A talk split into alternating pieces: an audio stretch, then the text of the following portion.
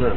خرجت مع كفيلي إلى البر ونقيم في مزرعة وقد قصرنا حتى الآن مدة وقد بقينا حتى الآن مدة شهر وما زلنا فما حكم القصر والجمع في الصلاة؟ إذا خرج الإنسان إلى المزرعة أو إلى النزهة فهو على تفصيل. إن أراد إقامة أكثر من أربعة أيام في محله وعزم على هذا فالذي عليه الجمهور أنه يتم الصلاة وهو الأحوط له يتم أربعا.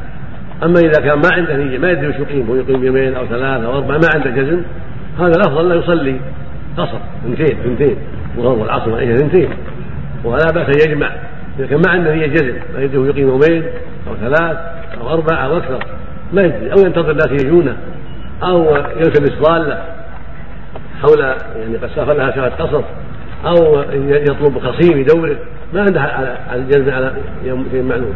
هذا يقصر أما إذا عزم على إقامة أكثر من أربعة أيام فإنه يتم أربعا على عند جمهور أهل العلم لأن الرسول صلى الله عليه وسلم أتم أربعة لأن الرسول صلى الله عليه وسلم عزم على إقامة أربعة أيام في مكة وهو يقصر. فدل على أن- على الأيام الأربعة لا تمنع من القصر والأصل بعد ذلك الإتمام.